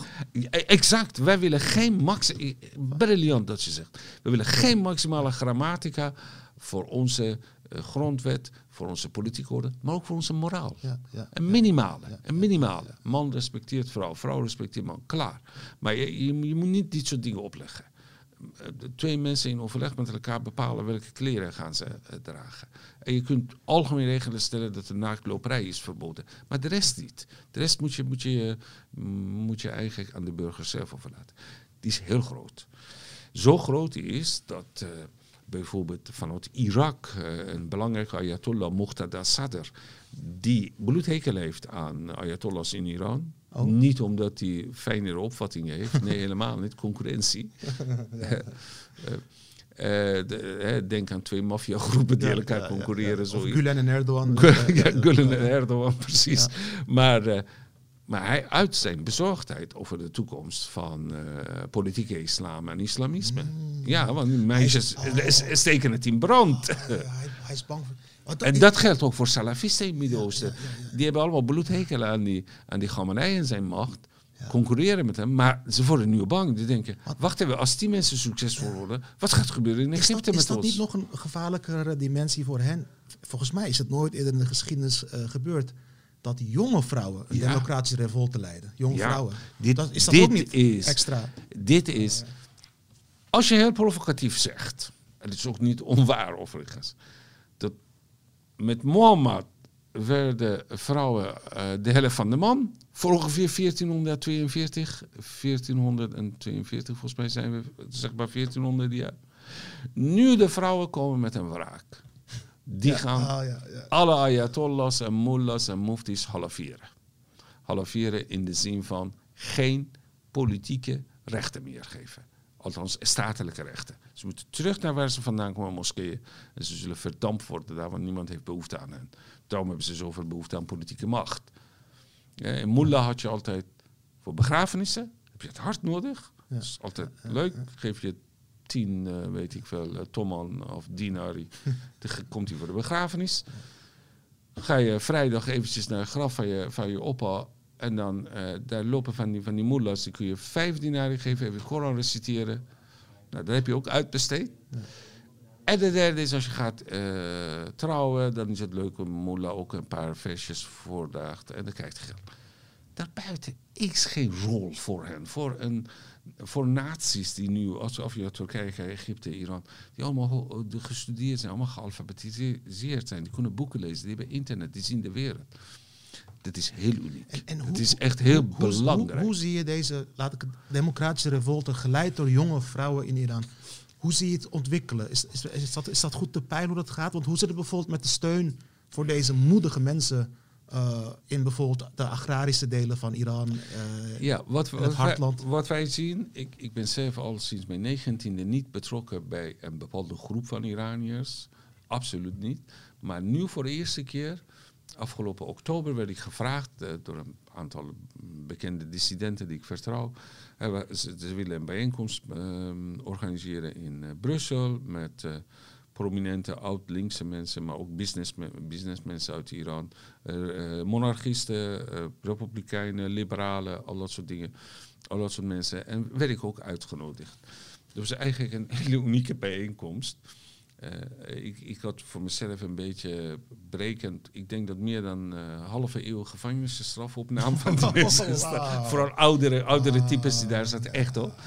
Eh, Die- die- die hebben- ja, en- een man zat naast mij Ja. die negen jaar in Evin had gezeten. Even gevangenis voor de luisteraars is een van de meest verschrikkelijke martelkamers Ja. van de wereld in Iran. Ja, klopt. Bastille van Iran is. En de andere vrouw weer iets anders had meegemaakt. Het was heel interessant. Toen kwamen wij daar eh, uiteindelijk overeen. We moeten eh, solidariteit organiseren met die, met, met, met, met die jonge mensen in Iran. We moeten het Iraans regime isoleren. We willen dat het omver wordt geworpen. Hopelijk vreedzaam. en geen geweld. En zij spreken een paar dingen af, en dat was heel belangrijk. We willen daarna dat een seculiere democratie komt, dus scheiding tussen staat en religie. We willen daarna dat uh, mensenrechten basis vormen voor de vorming van een nieuwe grondwet in Iran. Eigenlijk is het strijd om de grondwet, want dat was de hele discussie ook. Uh, we willen ook dat de staatsvorm, of het republiek wordt of monarchie, dat de mensen zelf bepalen. Dus nu moet je niet ruzie met elkaar wie monarchie of nee, we moeten allemaal mensen bepalen. Eigenlijk minder relevant is die discussie. En integriteit, fysieke integriteit van Iran moet gerespecteerd worden. Dus geen separatisme of interetnische conflicten, want Syrië en andere landen leren dat niets goeds voortbrengt. Wel respect voor rechten van verschillende provincies, mensen daar worden vooral een kwestie van Koerden is heel belangrijk en Baluch. Maar die moeten allemaal op basis van mensenrechten behandeld worden. Goed, als je mensenrechten nakomt, dan ga je niet met F-16 hem bombarderen. Dan ga je gesprek voeren met ze. En was heel erg interessant. Uh, we hebben dat ook, waren die Iraanse dissidentenmedia, zoals Iran International en andere daar, die in uh, Iran worden goed ontvangen. Het verslag van gedaan. Naam hebben we gekozen 7 Alban, zevende dag van maand Alban, de dag dat die verklaring kwam. Het duurde niet lang dat uh, een groep van jongeren, die heel belangrijk zijn in Iran, heten ze de jongeren van de wijken van Teheran, die demonstraties organiseren. Het is eigenlijk een verzetsgroep. Die hebben ook contact opgenomen, die hebben zich aangesloten bij die zeven Alban-beweging.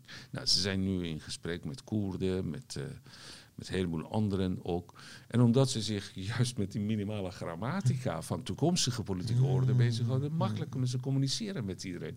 Niemand kan met een ruzie maken, omdat zij willen. Uh, uh, solidariteit veroorzaken voor het totstandbrengen van minimale grammatica. Waarna moeten Koerden en anderen interpreteren wat ze willen eigenlijk. En discussiëren. Hele mooie concepten eigenlijk. Hele mooie concept is bedacht. Dus via die jongere wijken van Teheran krijg ik wel constant berichten. In onze clubje krijgen wij berichten hoe het daar gaat. We zien enorm twijfel bij het middenkader van het regime. Hm. Zeer veel twijfels, omdat de manier waarop het regime optrad afgelopen maanden was echt verschrikkelijk. Ja. Vrouw, vrouw hatende mannen hebben ze ja. op, op demonstranten uh, afgestuurd dat echt richten op ogen, richten op borsten van vrouwen. Met, uh, Mensen worden echt vermoord. Hè? Ja, heel veel zijn vermoord. Uh, en dit, uh, dit geheel brengt heel veel mensen aan twijfel. Omdat in dit geheel gaat het niet om tegen of voor de islam zijn, het gaat om een scheiding tussen die twee. Hmm. Dat is een intellectuele debat of kritiek op islam. Dat is hier niet aan de orde. Het gaat niet tegen islam, het gaat niet voor islam, het gaat om een scheiding tussen religie en de staat. Dus dat begint het langzamerhand okay. ook uh, die. Kijk, hem, hen aanhang ziet voor 30, 40 procent uh, nog steeds. Begint, bestaat in Iran, maar die beginnen te twijfelen aan het systeem. En je ziet het ook, je vroeg het over dorpen.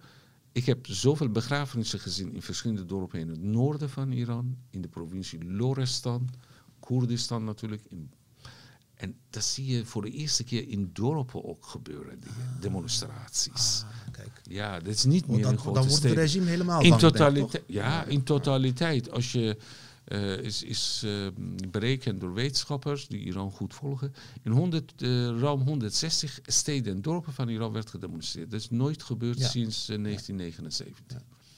Gaan ze winnen? Ik weet niet. Het is heel moeilijk te zeggen. Kijk, als je een regime hebt die bereid is iedereen te doden, dat wordt heel moeilijk. Kijk naar Noord-Korea. Maar als je kijkt wat er allemaal gebeurt, twijfelen bij middenkader van het regime. Ik zou zeggen, als wij kunnen meer ook vanuit het Westen druk uitoefenen, en natuurlijk dat, dat wat in Iran gebeurt moet zich voortzetten, dan bestaat een reële kans voor de burger. En, en hoe, hoe gaat het daarmee uh, met uh, uh, de invloed, de druk van het Westen, of het nou Amerika is, of de Europese Unie, Nederland in het bijzonder? Ja, daar is altijd die, die schisma ontstaan ten tijde van president Obama met die nucleaire onderhandelingen met Iran over verrijkt uranium van Iran. Ik was nooit tegen onderhandelingen geweest. Ik heb ook uh, toen Amerikanen advies vroegen, heb ik ook gezegd: dat is geen probleem. Altijd kun je met iedereen onderhandelen. Maar vergeet niet, je moet ook ehm, extra, zeg maar, eh, extraterritoriale activiteiten van Iran eh, in ogenschouw nemen. Hezbollah in Turkije, Hezbollah in Zuid-Libanon, Hezbollah in eh, Irak. Allemaal hebben ze opgericht. Jemen, wapenexport. dat moet ook in onderhandeling komen. En bereik van ballistische raketten. Je, moet- je moet je voorstellen, NAVO-gebied begint vanaf Turkije. Dat is onder bereik van ballistische raketten van Iran. Rome is onder bereik van ballistische raketten van Iran. Dat kan niet. Waarom heb je ballistische raketten gebouwd met zulk bereik? En ik was in die zin tegen als je dit, dit niet meeneemt, ballistische raketten van en extraterritoriale activiteiten van Iran, dat het niet zoveel zou opleveren, behalve dat ze eh, rijk worden als die sancties eh, Ja, want, ja, want sancties werden ook opgegeven natuurlijk. ja, als de sancties eh, worden opgegeven, worden ze alleen maar rijker. Amerikanen hadden zo'n idee, naïef idee, dan gaan ze besteden aan de middenklasse. Ja, die Ayatollahs juist heel blij zijn als heel veel mensen honger hebben. Want dan, dan worden ze religieuzer. Hoe meer ellende, hoe meer religiositeit vaak. Dat is, Laten we heel eerlijk zijn. Dus ze willen helemaal niet dat de middenklasse gaat televisie kijken. Weer, weer belangstelling krijgt voor dansen, voor boeklezen. Ja, daar krijg je al die demonstranten van. nee, dat wil hij niet. Maar hij stopte geld juist in iets anders. Namelijk bewapenen van milities in Syrië. Daarom die tragische burgeroorlog ging zo door. Eigenlijk, Iran heeft voor een deel veroorzaakt dat. Kijk, Iran heeft Assad geadviseerd om niet te onderhandelen met tegenstanders. Kijk, laten we niet vergeten, in 2011 was geen islamitische staat, was geen Al-Qaeda in Syrië. waren gewoon demonstranten die vroegen eh, vrije verkiezingen enzovoort. Maar je ziet het vanaf het moment dat Assad begint met de steun van Iran. En Iran bemiddelde ook de steun van Ru- Rusland heeft hij gekregen. Wat, wat een enorme bende daar. Echt een verschrikkelijke horror met IS en anderen. Geld ging al naar al die groepen, niet naar, naar de bevolking. En naar eigen militairen natuurlijk. Die moet je altijd tevreden houden. En wapen aan- eh, kopen, clandestien en soms ook officieel van China en Rusland was ik tegen. En dit, dit, dit is een soort geloofsdogma geworden voor Amerikanen. In die tijd, in 2009, waren grote demonstraties in Iran. Mensen riepen op straat: Obama, Baunai, Obama. Obama, ben je met hen, dus met het regime, of met ons? Ja, helaas, Obama had een geheim briefje geschreven. Later is openbaar geworden aan Khamenei dat hij respect heeft voor hen, eh, dat hij wil onderhandelen. Khamenei vatte dat op als we kunnen gewoon doen wat we willen. Ze willen onderhandelen. En dat kan ik tegen het volk ook zeggen. Zoals jullie prestige gaat omhoog. Jullie gaan allemaal hand geven aan de Amerikanen ook. Aan zijn regime vertellen. Dus niet bang zijn, knuppelen iedereen. Nou kwam een einde aan. Aan die eh, groene beweging. Er was twee maanden geleden had eh, president, oud-president Obama een interview. Daarin eh, vroeg een journalist over 2009. En hij zei, heel eerlijk zei, ik heb een fout gemaakt. Ik moest me op demonstranten richten en niet op onderhandelingen en deal. Deal is belangrijk. ook gezegd? Nou, ja, dat is- heeft wel oké. Ja, heeft hij inzicht. Nee, eerlijk heeft toegegeven, zei ik heb een fout gemaakt. Mijn regering heeft fout gemaakt. Te veel nadruk gelegd op onderhandelingen. En te weinig oog houdt voor demonstranten. En nu natuurlijk wil Biden niet dezelfde fout maken. Maar Biden is omringd door mensen uit de Obama-periode... die allemaal nog steeds fantasie hebben over een deal. Dat geldt ook voor eh, Joseph Borrell, buitenlandwoordvoerder van de Europese Unie. Nou, ik vind dat zowel de Europese Unie, Amerika, maar ook Israël, die moeten zich richten op demonstranten. Die moeten ook daadwerkelijk hulp bieden. Met hulp bedoel ik niet militaire interventie en F-35, nee. Hulp kan communicatiemiddelen zijn, zoals bijvoorbeeld Elon Musk begon dat aan te bieden. Alleen het is te duur voor burgers, dat eh, Starlink. Maar iets in die sfeer geven, dat ze kunnen met elkaar communiceren. Eh, hulp is bijvoorbeeld eh, proberen onderlinge communicatie van demonstranten verbeteren. Ze hebben al die mogelijkheden verstoren bijvoorbeeld communicatie van orde, orde niet veiligheidstroepen van Iran. Al die soort activiteiten kan regime een beetje verzorgen en demonstranten eerlijke kans geven. En dit zijn allemaal geen militaire activiteiten. Dat kun je gemakkelijk doen. Dat is de vraag die constant aan verschillende diplomaten, politici van Nederland en andere landen heb gesteld. En dit is eigenlijk wens van die demonstranten zelf. Ik bedoel, ze vroegen mensen als ik gaan met hen praten, dat ze gaan ons steunen. Ze willen geen bommen, geen wapens, geen eh, explosieven, maar op een bepaalde wijze steunen.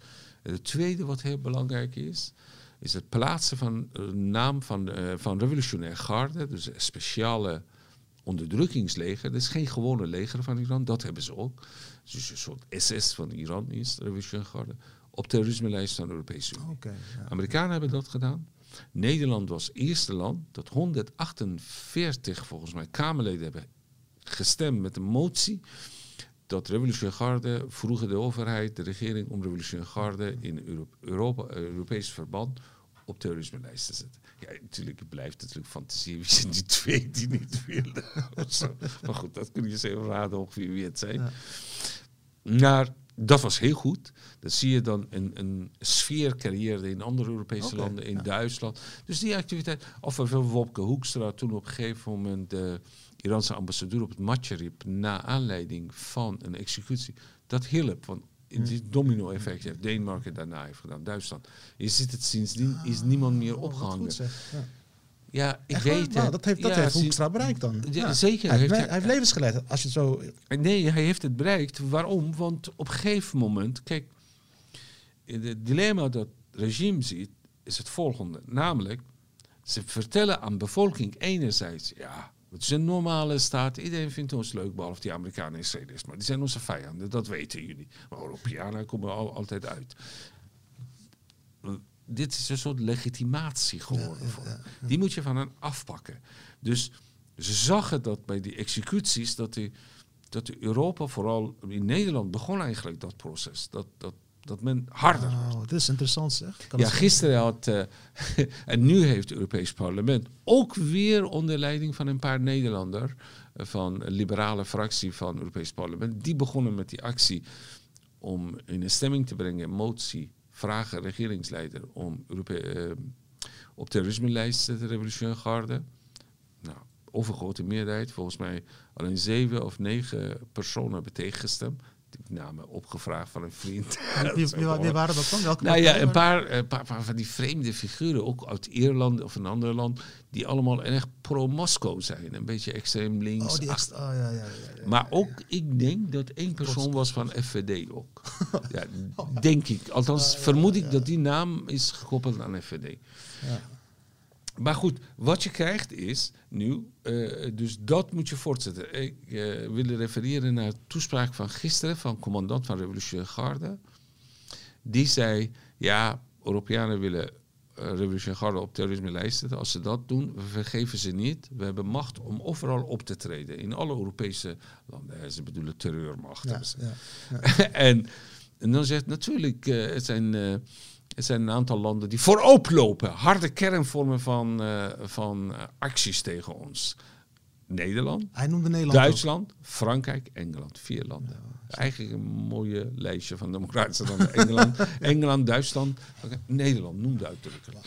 En dat is alleen En maar, hoe- kun je hoe- trots hoe- op hoe ver zijn. hebben ze ook de slagkracht om, om echt te terreuren eh, uit te oefenen in Europa? Eh, Nou. zijn ze de, de, de Iraanse geheime dienst of weet ik veel dat dan... eh, zijn- Ja. hebben, ze, hebben ze alle middelen om dat te doen? Ze hebben heel veel middelen. Want ze hebben een, een, een buitenlandse arm, heeft de revolutionaire garde, dat heet Quds. Gerard Soleimani was oprichter en leider daarvan, die, oh, oh, sorry, leider daarvan, die in 2020 door president Obama omgebracht is in Bagdad. Die Quds, die is een internationaal leger. Als je het vergelijkt met eh, een nazi-regime kun je zeggen, revolutionaire garde is SS, Quds is een soort waffen-SS. Ja, dat snap ik. Maar, En die zijn dan... ze, ze, kunnen toch, ze kunnen Nederland toch niet binnenvallen? Nee, je, nee, hoeven ze niet binnen te vallen. Ze kunnen aanslagen plegen. Ze kunnen dissidenten doden. Hmm, En die bestaan niet alleen uit de Iraniërs, die bestaan uit de Irakezen die in Nederland wonen. Ja, ja, Die bestaan uit Libanezen, Somaliërs hebben Ah, ze. ja, ja. En dus dat wordt heel ingewikkeld om na te gaan wie waar is. Ik geef je een voorbeeld. Eh, eh, voorzitter, directeur, sorry, directeur van MI5, dus eh Binnenlandse Veiligheidsdienst van Groot-Brittannië, in een jaarverslag heeft gezegd. Rusland, China, Noord-Korea, Iran. Dat zijn de grootste dreigingen voor ons. Een Ira- dreiging van Iran nu bereikt grondgebied van Groot-Brittannië. Die zei, we hebben tien, tien kleine en grote aanslagen vereideld van Iran in Londen. Echt waar? Ja. En eh. Iran International, dus die, dat dissidenten-tv dat 24 uur te, te, te ontvangen is in Iran via internet of via eh, satelliet, die wordt echt als een militaire basis nu beschermd. Iran, weet je wat het gek is? Het is gewoon kosteloos voor hen hè, om, om te bedreigen. En, en je weet dat hun bedreigingen zijn nooit eh, losse woorden. Iran heeft gezegd, wij, wij gaan jullie doden. Gewoon simpelweg. En dan hebben we het niet over tiende rang Ayatollah, maar over minister voor, eh, voor inlichtingenzaken, over commandant van de garde, president. Nou, dus ze hebben wel een slagkracht.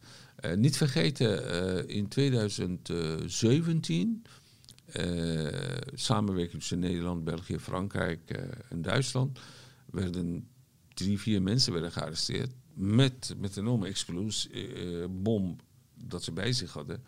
Die willen ze gebruiken één dag later in Parijs om een bijeenkomst van dissidenten op te blazen. Wauw.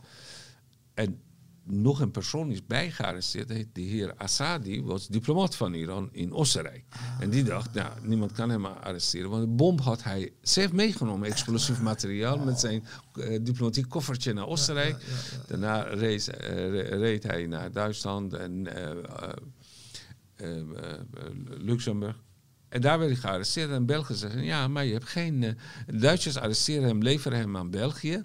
Omdat Plot eh, was in België samengesteld met Belgische agenten van hen. Die zijn van Iraanse afkomst, maar nationaliteit was, hadden na, eh, Belgische nationaliteit.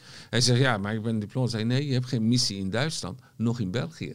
Je hebt alleen missie in Oostenrijk. Nou, heeft hij geprocedeerd, heeft hij geprocedeerd, heeft hij verloren. Tot 20 jaar cel is veroordeeld door Belgische rechter, ook in hoger beroep. Interessant is, er is een boekje gevonden bij hem. En dat proces was heel interessant om, om je vraag te kunnen beantwoorden. Hoe werken zij? Het boekje is gevonden bij hem. Het, het lijkt op een, op een bijhouden. Hoeveel geld heeft hij uitgegeven om het ooit te kunnen eh, verantwoorden. Bijvoorbeeld in Rotterdam, in Amsterdam, in Den Haag. Had hij overal, zie je, eh, bedragen heeft hij uitgegeven. Duizend aan bijvoorbeeld persoon S of persoon M. Het zijn allemaal agenten van hem, infiltranten die geld kregen. Dus hij had een soort, een soort, soort, eh, soort netwerk, een soort eh, cel of zo. enorme netwerk. Dat, dat hij Jeetje. Openbaar Ministerie zei, van de België zegt, dit netwerk dat we bestudeerd hebben, dit reikt hele Europa van informanten en agenten eng zeg. die, die, die op allerlei manieren kunnen ons in de gaten houden, dissidenten kunnen in de gaten houden, onze inlichtingendiensten, militaire basissen. Ja, dat is waarover eh, commandant van de revolutionaire garde, garde van Iran waarschuwde gisteren. Wij zijn in jullie Ik hoofdsteden. schrik hier heel erg van. Ik Ja, mag hopen, echt ik mag hopen dat eh, ons kabinet, de Europese Unie, andere landen hiervan op de hoogte zijn van die speech. Ik- Hoop ik. denk het wel, anders zouden ze gek zijn. eh, dan kun je al die inlichtingendiensten opheffen. Ik denk dat ze gisteren hebben het gehoord zoals ik het had gehoord. Ja. En ik hoop dat... eh, kijk, weet je wat het is? Tegen dit soort tuig, of het nou Poetin is of Iran is, Ayatollahs zijn, moet je niet capituleren. Moet je hard zijn. Moet je kei en keihard zijn. En dat is de enige manier waarop je kunt met dit soort, eh, met dit soort regimes praten. Als ze verzwakt zijn, kun je nog met, je met hen onderhandelen op je eigen voorwaarden. Maar vooral dreiging met terreur en aanslagen moet je kei en keihard zijn. Dus zat ik nu in, in die raad van minister van Buitenlandse Zaken, zou ik zeker voorstellen om revolutionaire garde op de Ja, terrorisme-lijst. nee, absoluut. By the way, het staat in Amerika het staat wel op terrorisme-lijst. Het is een terreurorganisatie, zowel intern als extern. En ik zou ook zeggen, gewoon, eh, misschien gebeurt dat ook. En zo niet zou ik zeggen, alle ambassades eh, van Iran in Europa echt eh In af, beginnen met afluisteren. Weet je, alles. ja, eh, dat doen ze ook. Overigens, in Turkije werden verschillende keren Iraanse beroemde dissidenten ontvoerd. Erdogan was op een gegeven moment heel boos geworden. En die waarschuwde dat hij gaat handelen. En te hebben gehandeld. Want een aantal van die arrestaties en ontmanteling eh, en ver- verijdelen van die aanslagen in Groot-Brittannië heeft met de activiteiten van Turkse inlichtingendienst te maken. Dat ze in Istanbul eh, hebben een aantal personen opgepakt. En daar na ondervraging kwam ze erachter, hé, hey, dit is veel groter. En hun doel was niet hier, maar elders. Dat, is- dat is inlichtingensamenwerking is wel tussen Turkije, terecht ook, en Groot-Brittannië op dit gebied, op het gebied van terrorisme en zo. NAVO-landen natuurlijk. En zo heeft hem bereikt. Ja. Ja, ja, heel goed. Professor Elian, onze tijd zit er bijna op. Eh, heb, heb jij nog een laatste boodschap aan onze luisteraars, aan, aan onze kijkers, aan het Nederlandse volk over de grondwet? Behalve natuurlijk dat ze allemaal dit boek moeten lezen en kopen. Zoals professor Elian zei, ontzettend toegankelijk en helder en heel ehm, bijna spannend. Je bladert steeds door, omdat je steeds meer geïnteresseerd raakt. Ik hoop dat de grondwet een prominente plaats krijgt in de komende decennia. In plaats van chauvinisme, racisme of andere vormen van quasi-verbondenheid. We moeten verbonden worden met elkaar met basiswaarden die in de grondwet staan. Als we dit in acht nemen, gelijkwaardigheid van man en vrouw, van hetero, homo, et cetera, et cetera, et cetera, dan kunnen we een heel mooi vrij land hebben. Want wat moet ons met elkaar verbinden zijn de waarden die daarin zijn geformuleerd. Tweede, wat ik aan je luisteraar wil zeggen, blijf naar deze podcast luisteren. Want ik heb nergens zoveel mooie tijd gehad en ruimte en geprikkeld gewoon een verhaal te vertellen. Geweldig. Ik hoop dat heel Het- veel het mensen naar je programma Het luisteren. was zo leuk, zo informatief. Ik heb er zoveel van geleerd. En eh, ik heb nu meteen een uitnodiging om nog een keer terug te komen. eh, want we kunnen hier nog vele uren verder over praten. Zal ik Afshin, hartstikke bedankt voor je tijd. Jij ook bedankt en Elsevier ook bedankt. Graag gedaan.